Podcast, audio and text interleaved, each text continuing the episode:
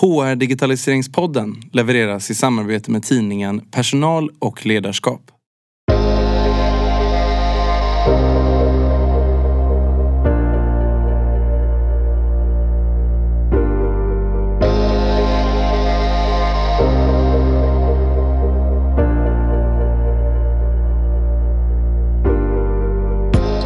Välkomna till dagens avsnitt av HR Digitaliseringspodden. Det första avsnittet efter en längre sommarledighet för podden och nu är det så härligt att vara igång igen. Det finns fler avsnitt planerade nu under hösten och eh, bland annat så blir det på förfrågan en ny HR-techspaning. Vet inte exakt när den kommer, men jag jobbar på den. Sen blir det troligtvis en innovativ techlösning. Och dessutom så har jag också fått förfrågan kring att ha ett avsnitt om upphandlingar för offentlig sektor. Både som vänder sig till dig som ska handla upp och dig som säljer. Och det är också på gång och i planeringen. Samtidigt nu som vi släpper det här första avsnittet av podden så händer det flera saker. Och en viktig sak som du kanske ser själv, det är att vi har en ny logga. Så det är samma podd, bara ett nytt utseende. Eh, utöver det så är det en annan sak och det är att vi ville starta lite bättre kommunikation och dialog med dig som lyssnar. Och därför har vi startat en Slackplats. Eh, Slack är en kommunikationsplattform där man kan mötas och ha samtal om olika saker. Och eh, om du inte har provat Slack förut så blir det här ett jättebra tillfälle att prova. Och tanken med Slack är att du ska kunna då ställa fördjupande frågor och ha diskussion med de olika deltagarna i podden efter att du har lyssnat på programmet. Framöver kanske det även blir inför ett program. Det får vi se. För att komma med på Slack så behöver du en inbjudningslänk och den hittar du i poddens eh, texter som du ser på poddspelaren. Alternativt så går du in på till exempel Instagram för HR Digitaliseringspodden så hittar du länken där under profilen. Men nu, nu är det dags för dagens avsnitt och det är ett inspirationsavsnitt den här gången kring HR digitalisering. Jag har bjudit in två erfarna HR-digitaliserare i formen av Helene Sundsgård Berry och Gustav Röstner. Egentligen så kallar de sig inte HR-digitaliserare utan snarare HR-strateger med tech som hjälpmedel. Helene har bakgrund från offentlig sektor och Gustav från det privata. De delar med sig av sina tankar och erfarenheter kring digitalisering och vi, vi är överens om att digitalisering, det är något vi måste göra. Men vad är det egentligen? Och varför tycker Helene och Gustav att man ska digitalisera? Och vad är bra att tänka på? Jag hoppas verkligen att det här startavsnittet ger dig bra tankar och idéer inför hösten. En sak Gustav och Helene tar upp är att man inom HR lätt kan bli hjälte om man tar ansvar för att inspirera sina kollegor på digitaliseringsområdet med nya idéer så att alla kan förstå möjligheterna och fördelarna som finns. Hoppas att du kan bli den personen om du inte redan är det. Glöm nu inte att delta i diskussionen på Slack när du har lyssnat klart. Vi, det vill säga Helene och Gustav och jag, ser fram emot att diskutera vidare där.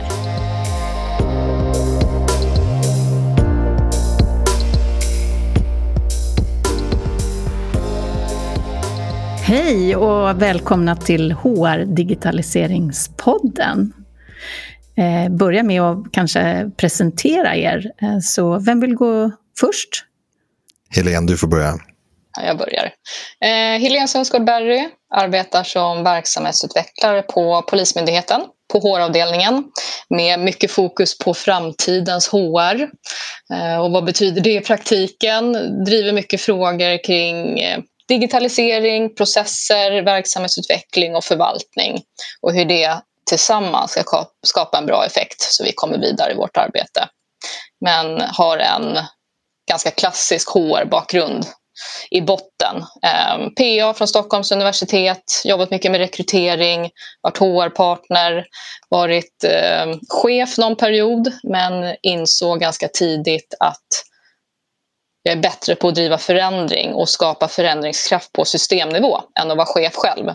Men jobbar jättegärna tillsammans med chefer och skapar förutsättningar för dem att kunna driva de här frågorna.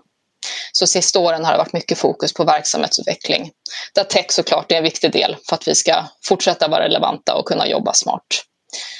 Um, och jobbat mycket i olika branscher. Små svenska entreprenörsdrivna bolag, amerikanskt säljbolag till myndighet. Så försökt röra mig i olika branscher och organisationer med ganska olika förutsättningar, kultur och strukturer. Men det som är lika är människorna och hur människor fungerar.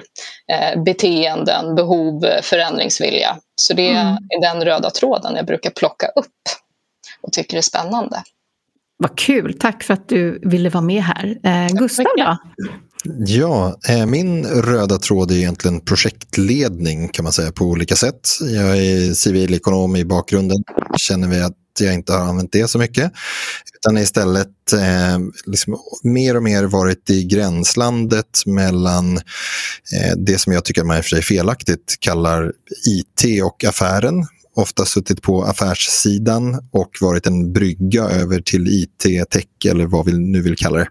Också gjort det i allt ifrån eh, stora bolag till pyttesmå bolag. Eh, delvis inom lojalitetsprogram men också inom eh, HR.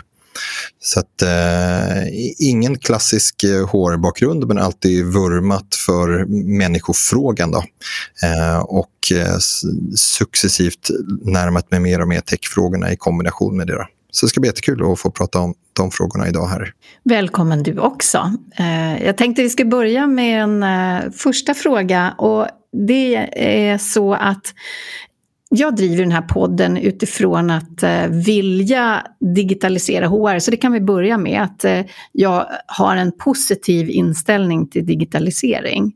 Och det har ju ni också. Det var därför ni också blivit inbjudna hit. Eh, det som jag tycker är spännande, det var en undersökning som kom nyligen som Josh Bursin gjorde. Och det var att eh, han hade ställt frågan hur bekväm man är med HR-tech-landskapet.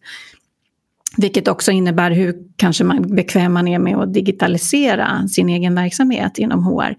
Och då är det så mycket som 20, egentligen 26 procent är det som känner sig någorlunda bekväma i HR-tech och bara 8 procent tycker att de är riktigt bekväma.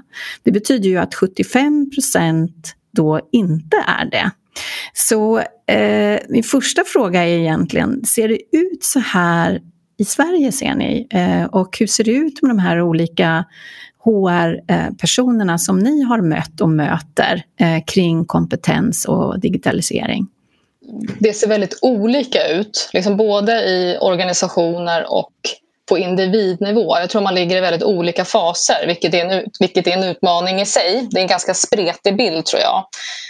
Um, men jag kan tänka mig att täktmognaden är ganska låg och HR behöver verkligen bli bättre på att inse både digitaliseringens möjligheter men också lära sig om digitalisering och till och med kanske använda digitaliseringen som motor för att driva HR-frågorna internt.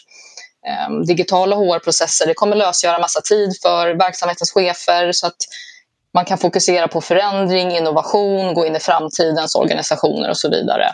Mer liksom, strategiska frågor som alla måste ta sig igenom nu för att fortsätta vara relevanta. Och då måste vi digitalisera HR-området och kunna stödja övriga organisationen i teknikutvecklingen. Och jag tänker då, eh, Gustav, har du reflekterat över samma fråga eh, och hur man i så fall kan lära sig mer egentligen eller utvecklas inom digitalisering? Mm, men jag skulle ju jättegärna läsa den här undersökningen först för att se vem som har sagt vad. Och, och till exempel vad innehåller HR-tech? Alltså Mm. HR-tech är det intranätet, är HR-tech våran, eh, våran chattfunktion?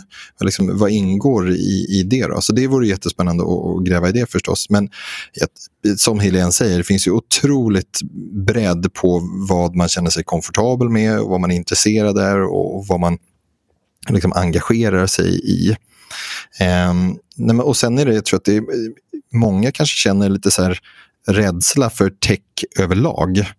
Eh, och då spelar det nog inte roll om det är HR-tech eller ekonomitech eller vad det nu kan vara, utan det är liksom en, en, allmän digital mognad som jag tror att hela vägen från rekrytering till utbildning måste man, liksom, man måste hjälpa sina medarbetare med att, att eh, mognad digitalt.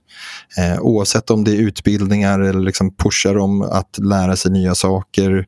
Eh, ja, men i, i även i rekryteringsfrågan, så vad är det för sorts personer som vi kan ta in som kan hantera den här antingen eh, transformationen eller redan är digitala från, från början. Men sen är det också viktigt att liksom alla alla behöver ju inte vara så HR-tech digitala eller mogna. Det är liksom ganska många som inte är inne i HR-tech-appar varje dag. Man kanske står eh, i, eh, vid ett löpande band eller i en butik eller någonting sånt. Så där spelar det inte så stor roll vad vi har för HR-tech. Det ska liksom bara fungera.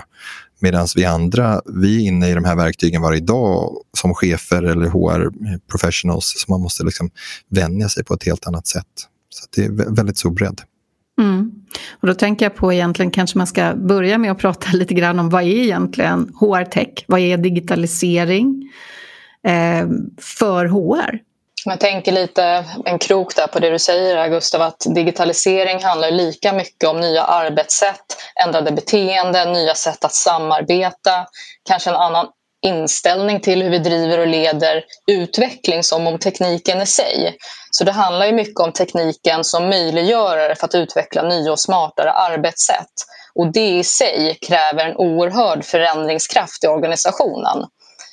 Um, och jag är helt säker på att liksom, vikten av HR kommer öka i den här resan, digitaliseringseran, så kommer HR behövas för att driva igenom själva förändringen som behöv, behöver ske framförallt mycket frågor till ledarskap tänker jag på. Eh, hur får vi medarbetare redo för en allt mer digital arbetsplats? Eh, hur ska vi klara av att jobba i ständig förändring när man som individ och organisation hela tiden måste flytta sig framåt? Eh, jag tror att liksom ledarnas främsta uppgifter framöver kommer att handla jättemycket om att förstå hur digitalisering påverkar deras medarbetare i praktiken och erbjuda stabilitet och riktning. Och där tror jag att HR kommer vara ett jättestöd.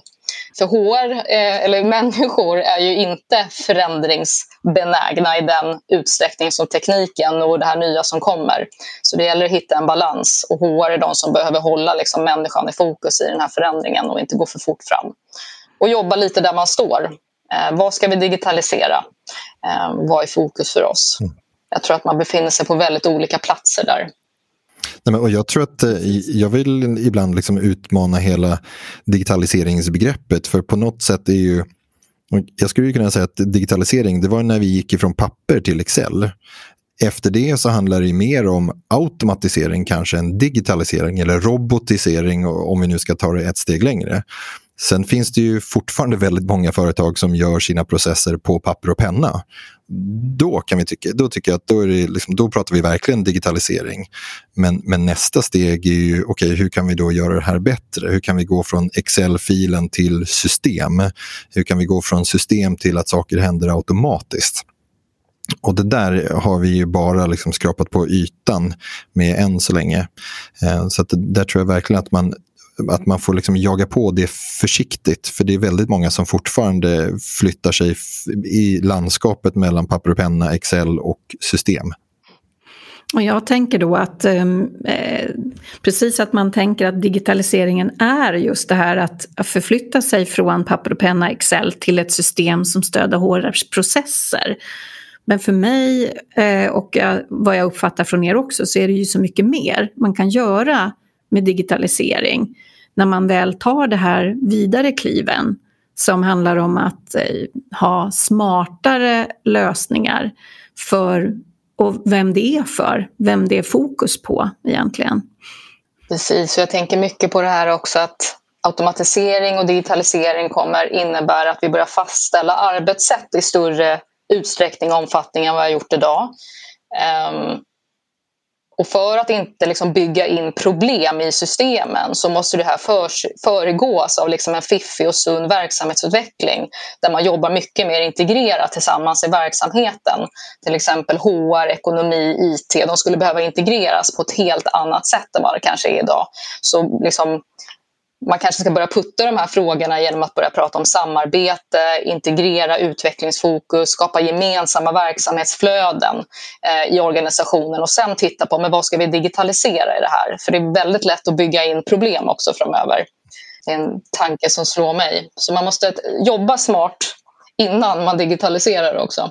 Nej, men jag tror också att det eh, ska man säga att eh, klassiskt så kanske det finns en del saker som ska göras i HR-system som inte alltid är lustfyllda.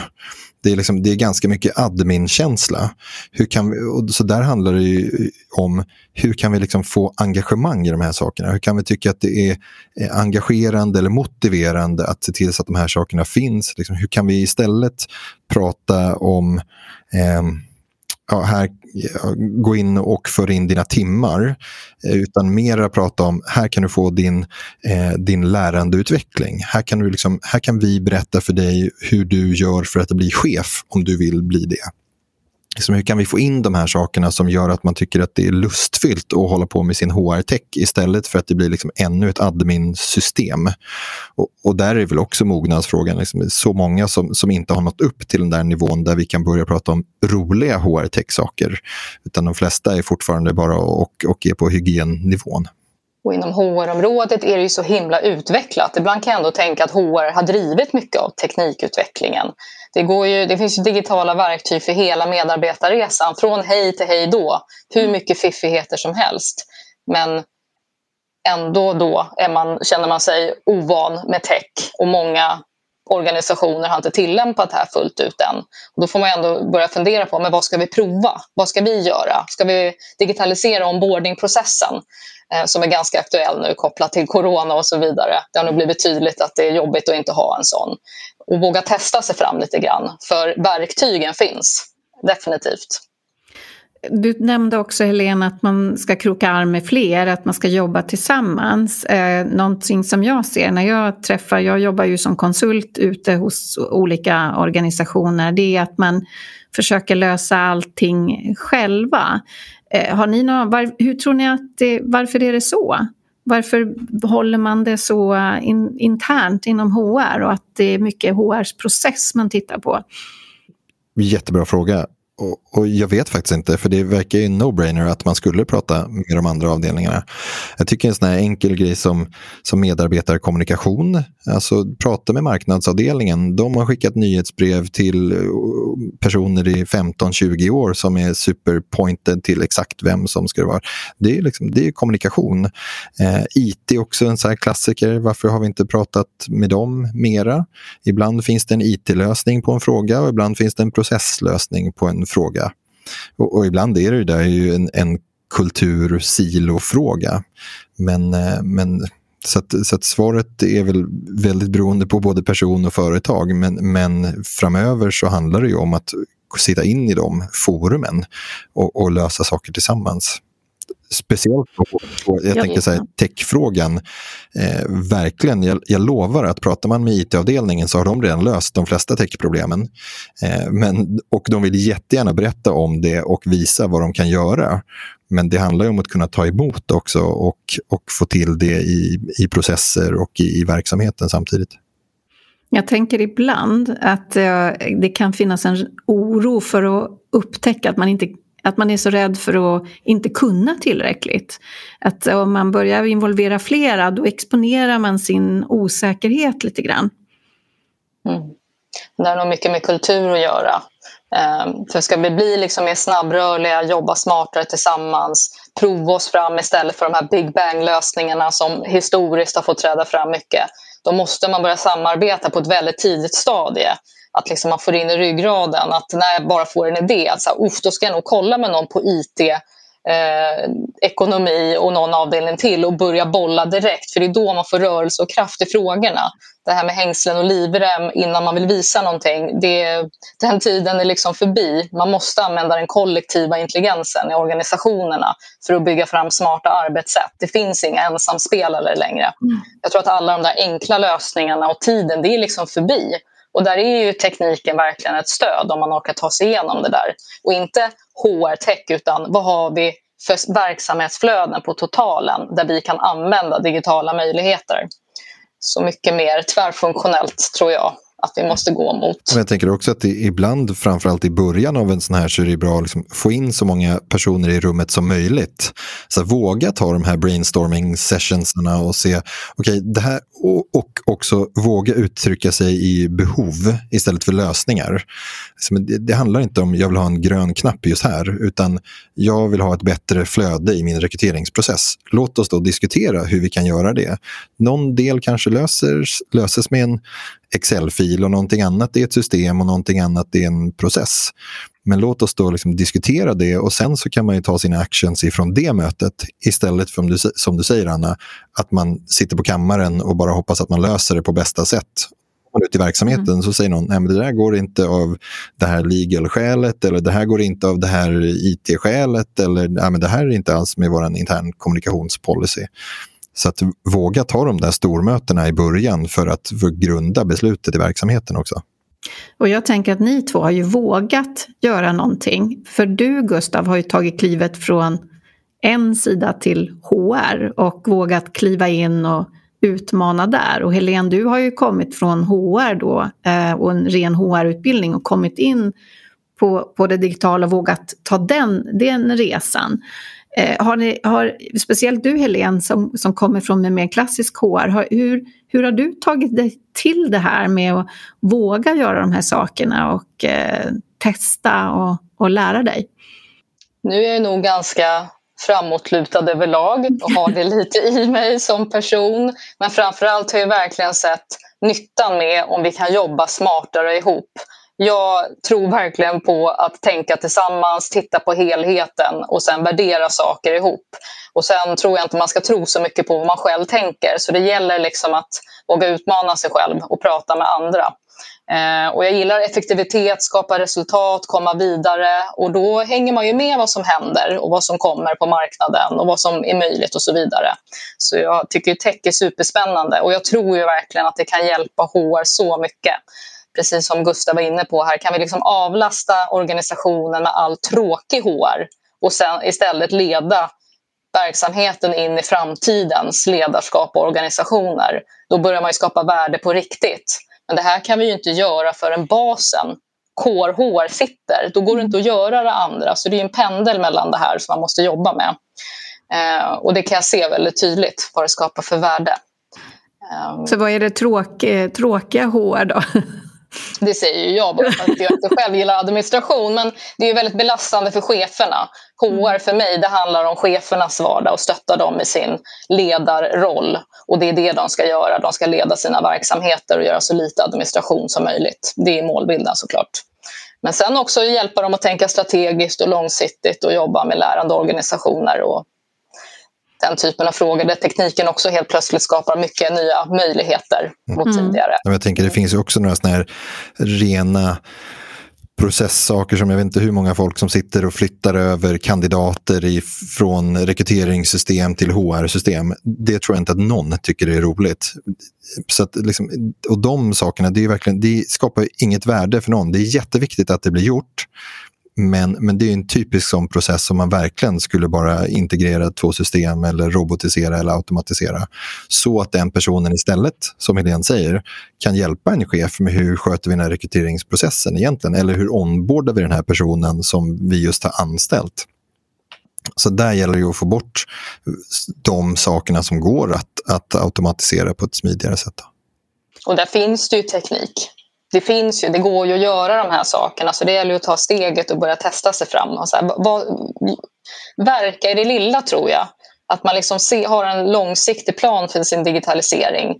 men titta på de små mikroprocesserna och förändra lite i taget. På det sättet blir också tech och digitalisering vardag så att det inte blir så stort hela tiden. Uff, nu ska vi förändra det här. Men börja skruva någonstans i processen. Men framförallt utifrån det här flödesperspektivet.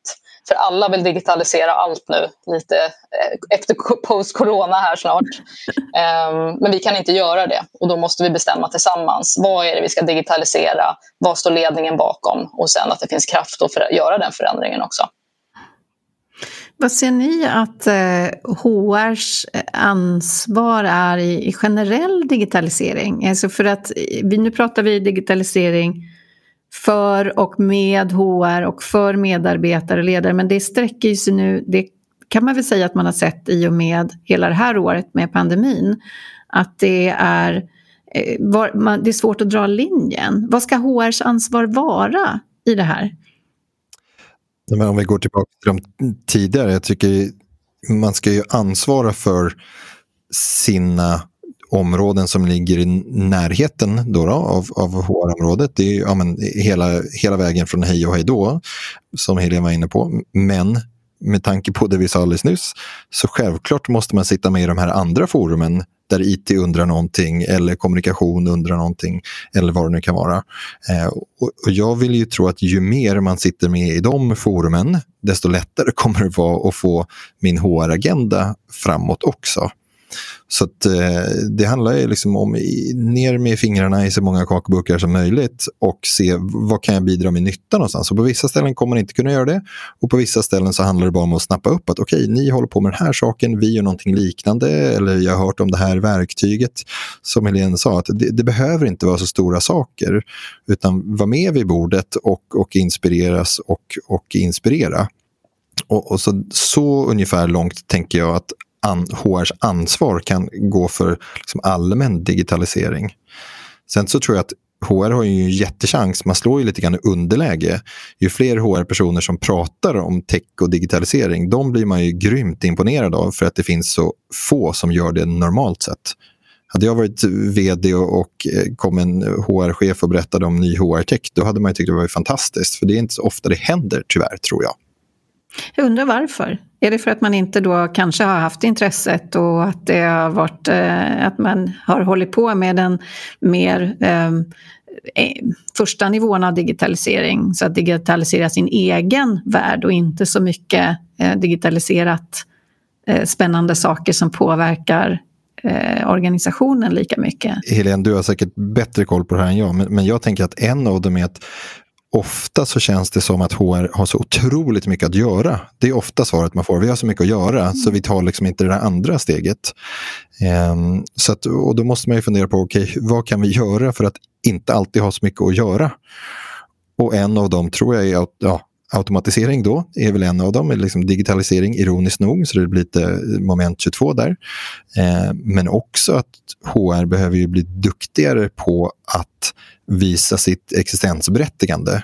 Alltså jag behöver en rekryterare till eller jag behöver en administratör till eller, eller en eh, trainer till eller någonting så att vi kan liksom inte konstant bara ha näsan under vattnet utan faktiskt komma upp och få, få blicka framåt.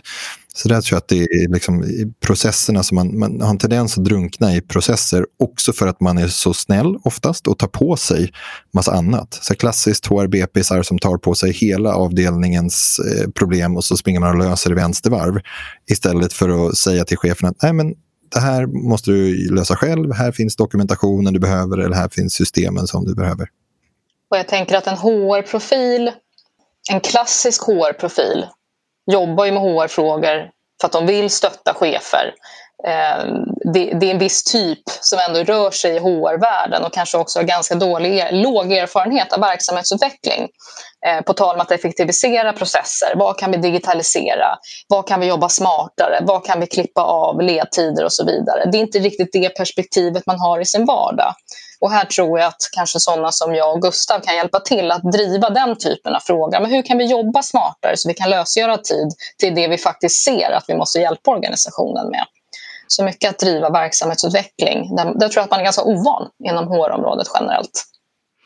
Precis som du säger att det är människor som vill jobba med människor som befinner sig inom HR och eh, inte då att det är en drivkraft på grund av att man vill jobba med digitalisering. Då har man nog valt ett annat spår faktiskt från början.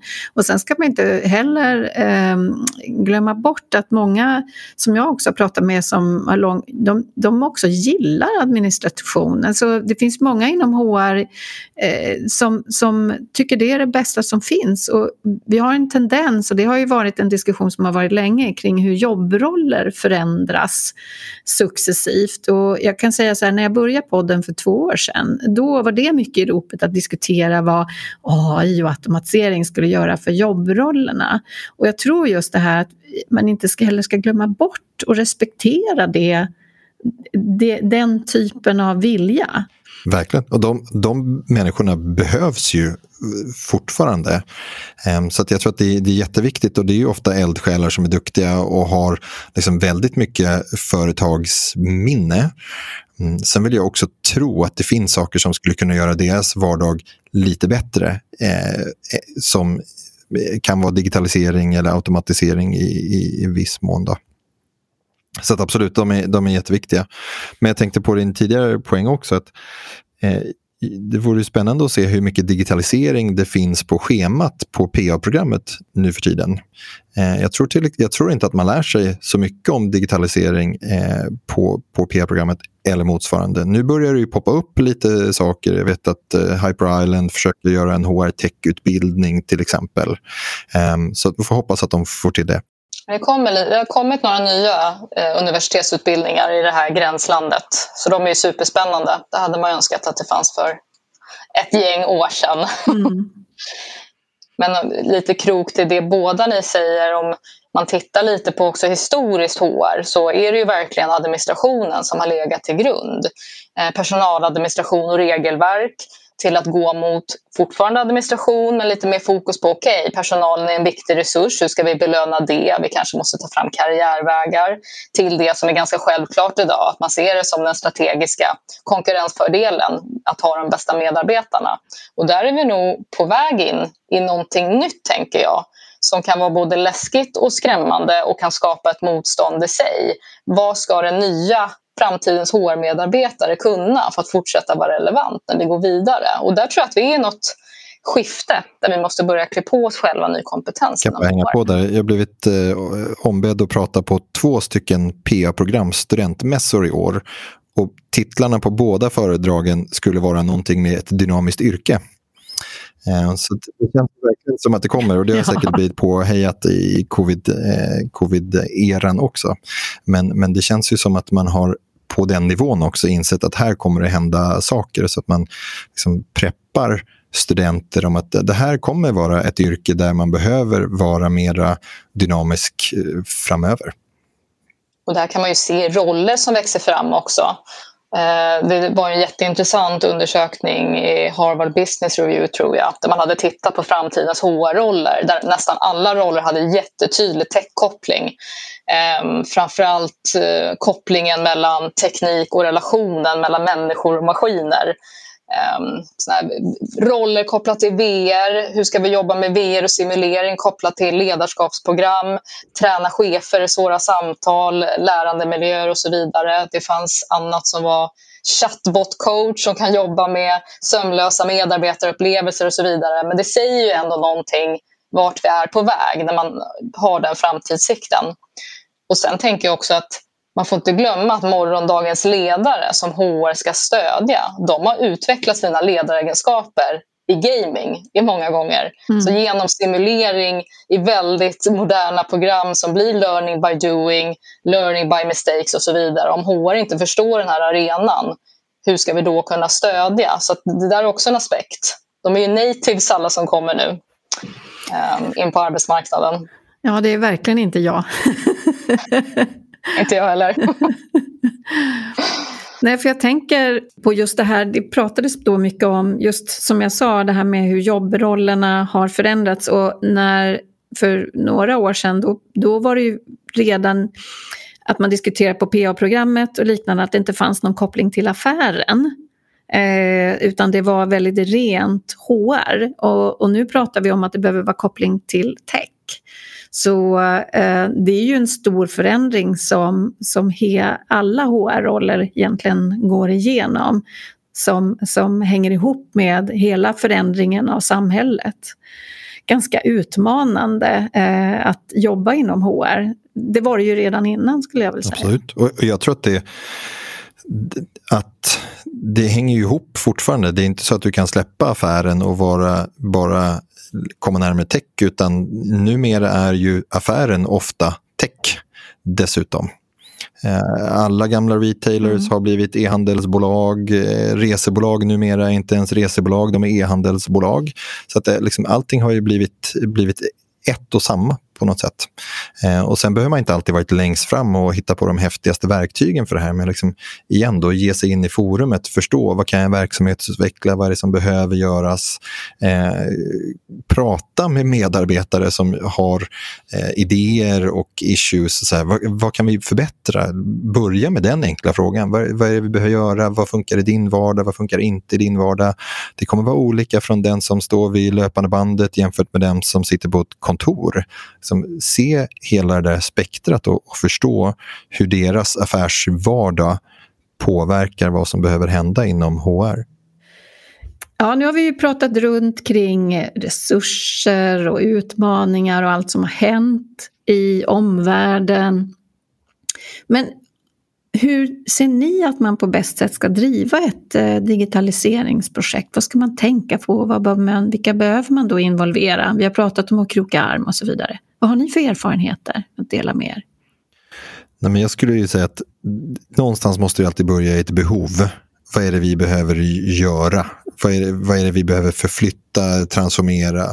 Och ofta är det ju för att någonting gör ont. Liksom, det här lägger vi så mycket tid på. Eh, hur kan vi förbättra det här på något sätt? Eh, och sen är det nog egentligen inte särskilt annorlunda från vilket projekt som helst. Alltså vi måste ha in relevanta personer i rummet. Vi har ju redan nämnt eh, IT, kommunikation, ekonomi kanske, eh, vilka nu som ska vara involverade.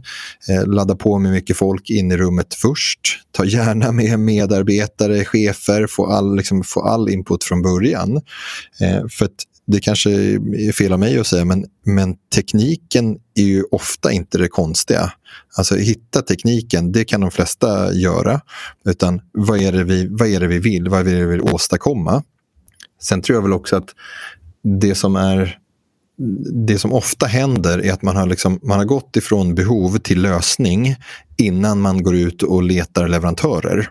Och så säger man till en leverantör, här är min kravspec. De här mm. vill jag kunna göra exakt kanske som jag gjorde förut. Eh, eller liksom, har jag bestämt mig att de ska göra så här. Och verkligheten är väl att ofta är systemen inte byggda på det sättet exakt så som man vill ha det. Så jag tror att man får verkligen vara öppen när man går ut och letar leverantörer att det här är mina behov. Jag vill kunna göra X, Y, Z saker. Hur kan ni bäst hjälpa mig att lösa de här problemen? Ehm, för att annars, annars kommer det skohorna in dina egna processer i ett verktyg som inte är gjort för det. Eh, men sen också i slutändan inte glömma sig, vad är maintenance-delen av det här? När vi väl har det här verktyget på plats, vem ska ta hand om det? Vem ska vara produktägare för det? Vem ska ha kontakt med leverantören och följa med på deras utvecklingsresa? Eh, och sist men inte minst, hur kan vi liksom komma tillbaka till organisationen och säga här gjorde vi ett digitaliseringsprojekt. Det kostade så här mycket. Vi sparade så här mycket och nu vill vi göra nästa projekt. Eller vi lärde oss det här, det blev inte alls bra, men lyckligtvis så pilotade vi det på 100 utav 200 000 anställda. Och nu har vi lärt oss någonting och då valde vi det här systemet istället. Eller vi tänker om eller någonting sånt. Där. Så att, eh, egentligen inte konstigare än vilket projekt som helst. Men, men eh, med liksom en HR-twist på det förstås. Helene, du, vad tänker du?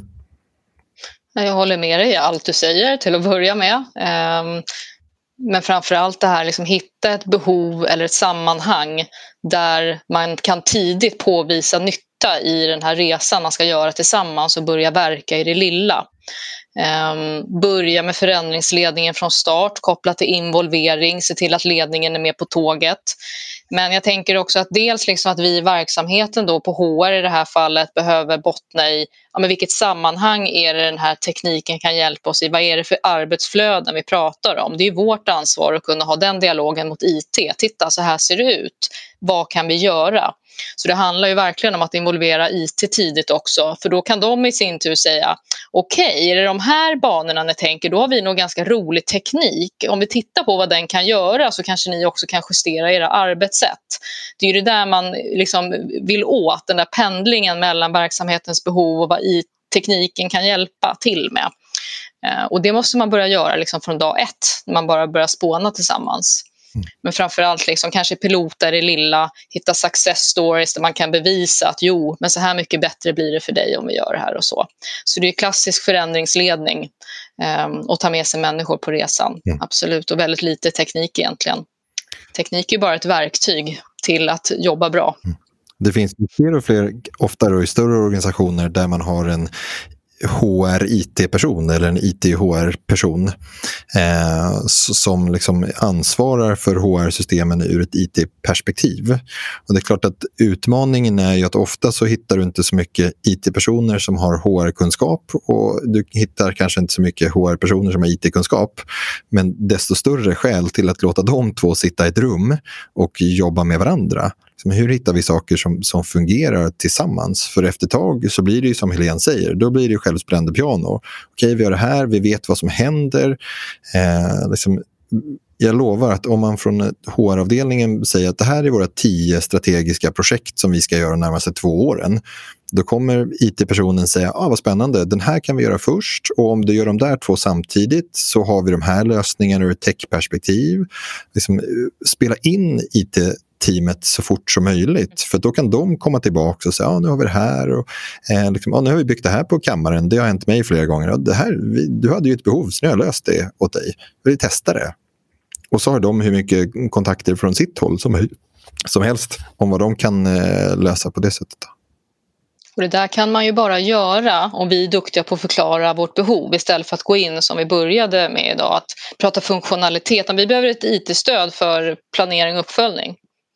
Jaha, vad ska det göra då? Utan liksom fokusera på att sätt duktiga verksamhetsmänniskor som jobbar i de här processerna hela dagen och beskriv hur arbetsvardagen ser ut så kan man nog ganska enkelt hitta fiffiga saker som man kan utveckla. Och ofta som du säger Gustav så finns det ganska bra saker in-house som man kan titta på att ja, men det här är väl ändå good enough för just den här delen och inte börja tänka teknik och leverantörer utan fokusera på att beskriva verksamhetsnyttan och vad man ska göra. Jag tänker att man i många led ofta går ut då till leverantören först och skapar sig någon bild. Och, men man ska inte glömma bort att alla de här vi har in-house, de utvecklar nya funktioner och det har ju blivit lite trendigt eh, att eh, fokusera på det som handlar om människor och eh, HR-området. Eh, Så att det händer otroligt mycket även inom andra eh, leverantörer som man kanske inte trodde skulle leverera eh, lösningar för HR. Men jag tror det, det, har ju också blivit så att det finns ju liksom som någon sa till mig för någon vecka sedan, att varför utvecklar man någonting själv? Alla andra har ju redan utvecklat någonting.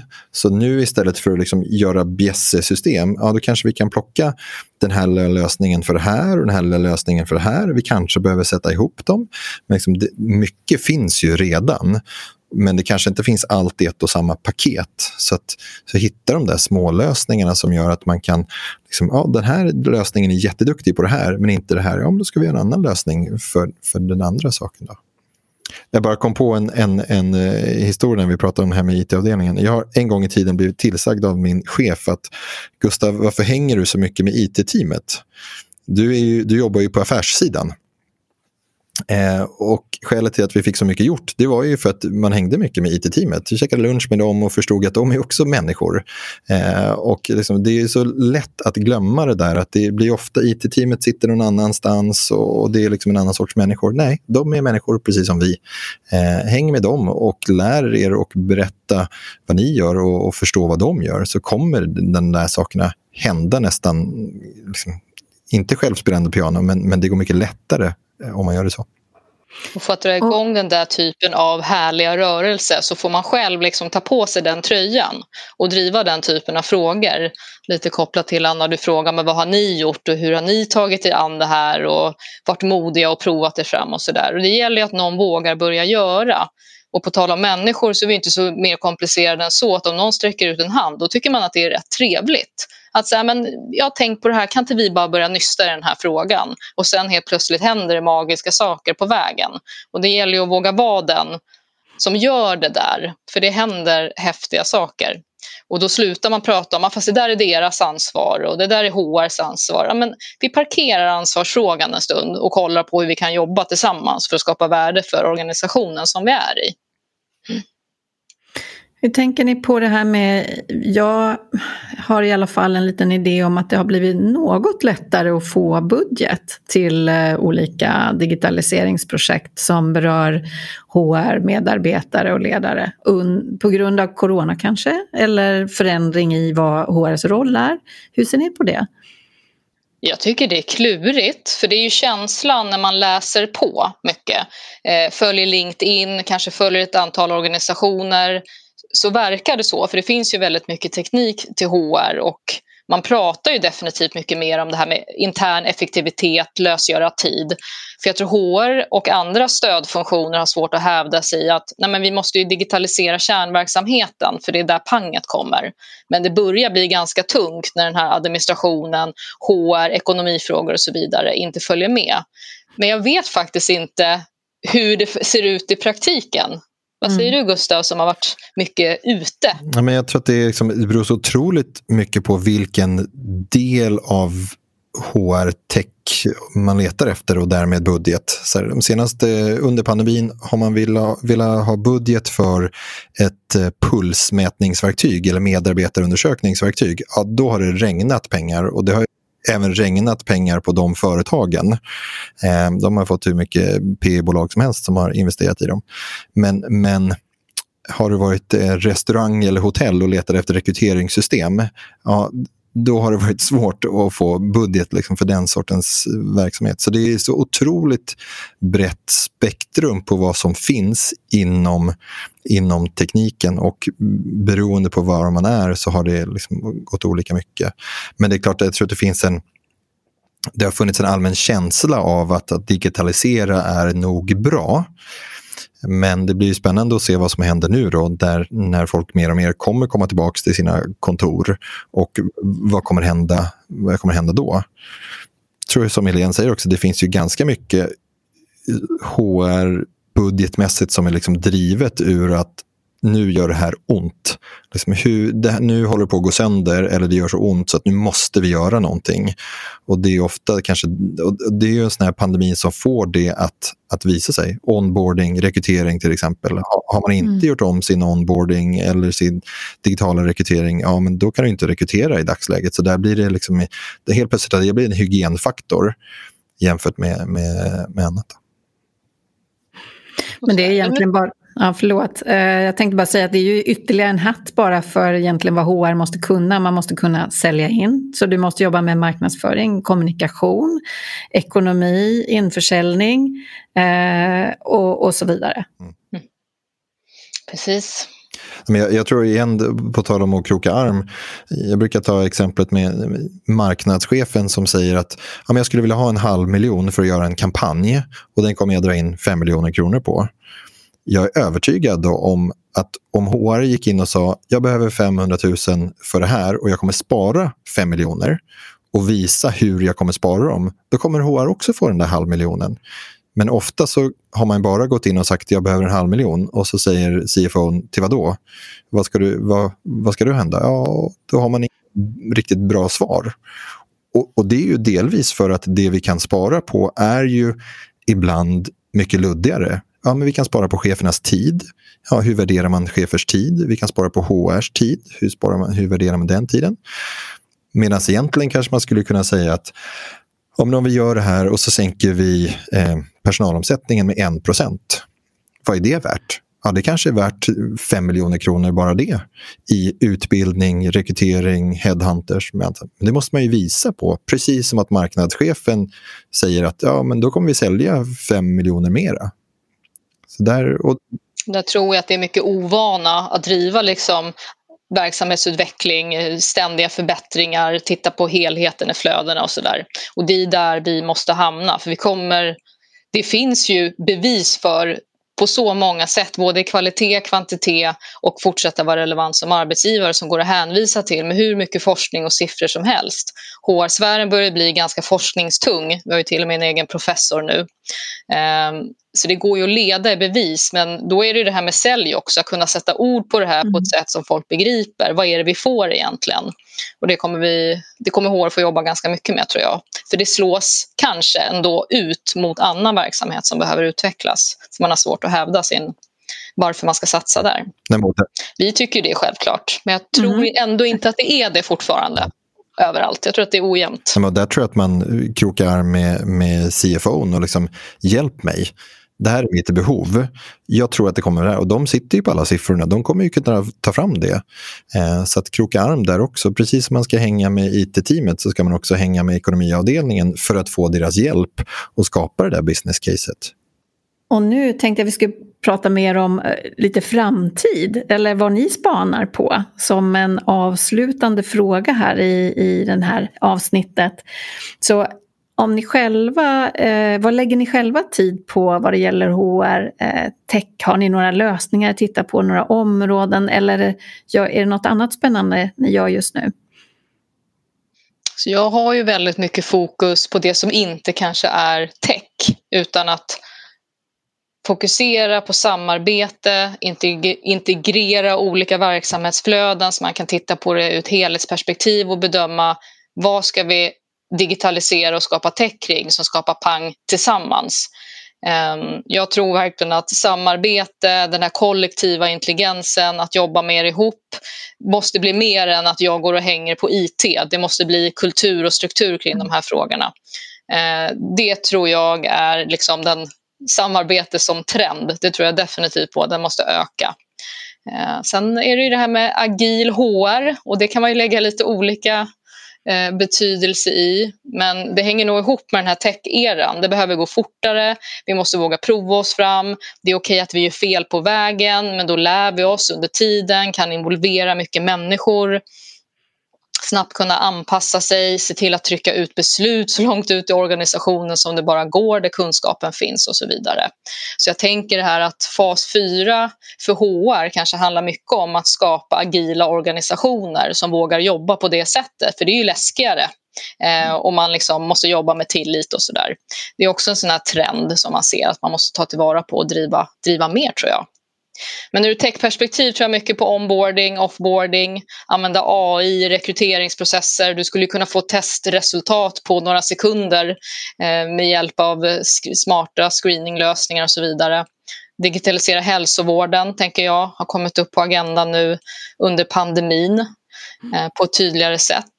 Um, mm det här med ständigt lärande eller lärande organisationer, det har vi väl pratat om i 40 år snart, men nu kanske tekniken faktiskt finns för att man ur ett medarbetarperspektiv ska kunna tillskanska sig ny kunskap med digitala verktyg som är relevant kopplat till var man står på ett ganska smidigt sätt. Så den arenan ska ju bli jättekul att följa, vilka som mm. får till det där på, i praktiken på riktigt.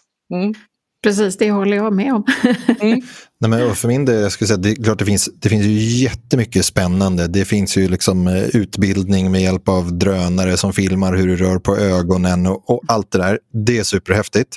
Eh, jag, där jag är nu så behöver jag ju mera liksom se okay, vad är det vi bygger för hygienfaktorer. Men jag tycker det är otroligt spännande och det, det kan jag verkligen rekommendera alla att göra. Att ta möten med spännande leverantörer bara för att bli inspirerade. Jag lovar att de kommer köra en demo för dig när som helst.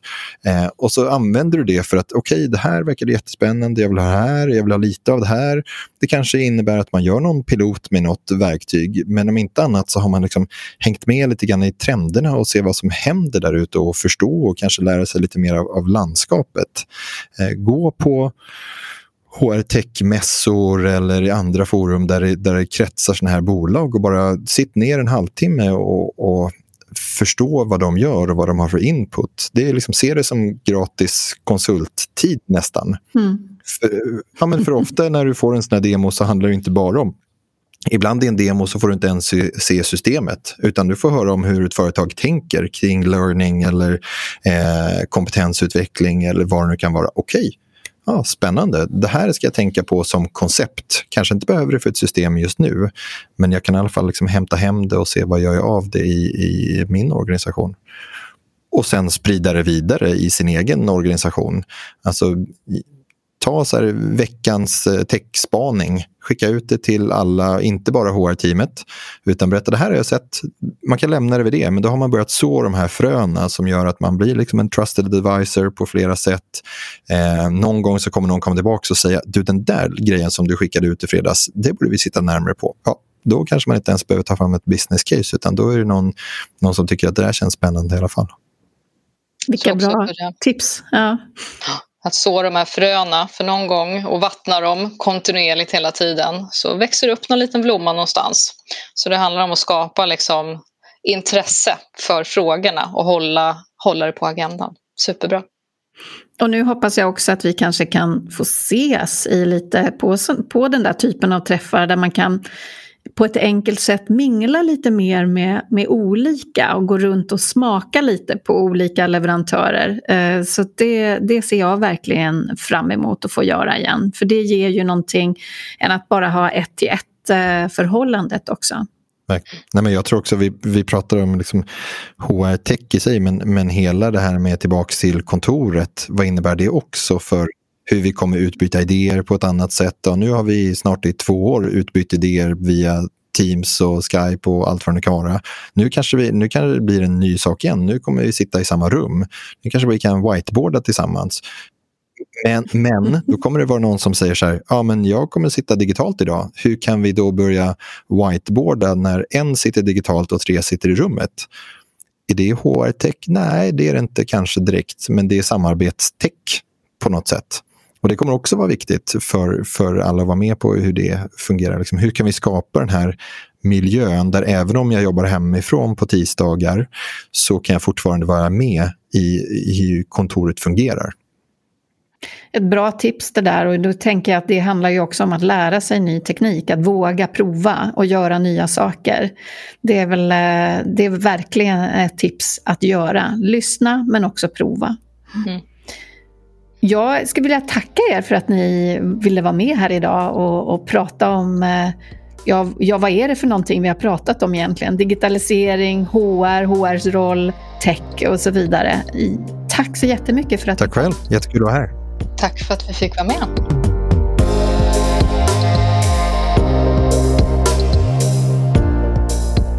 Vad kul att du har lyssnat på hela det här avsnittet ända till slutet. Leverantör av podden är HR Digitaliseringsgruppen och jag som pratar heter Anna Karlsson. Gruppen har fokus på inspiration, konsulting, mentorering och utbildning inom digitalisering för HR. Du når oss via Instagram, LinkedIn eller vanlig mejl på hej.hrdigi.se eller på slackkanalen hrdigi.slack.com. För att delta på Slack behöver du en inbjudan och den länken får du via någon av poddens sociala medieprofiler.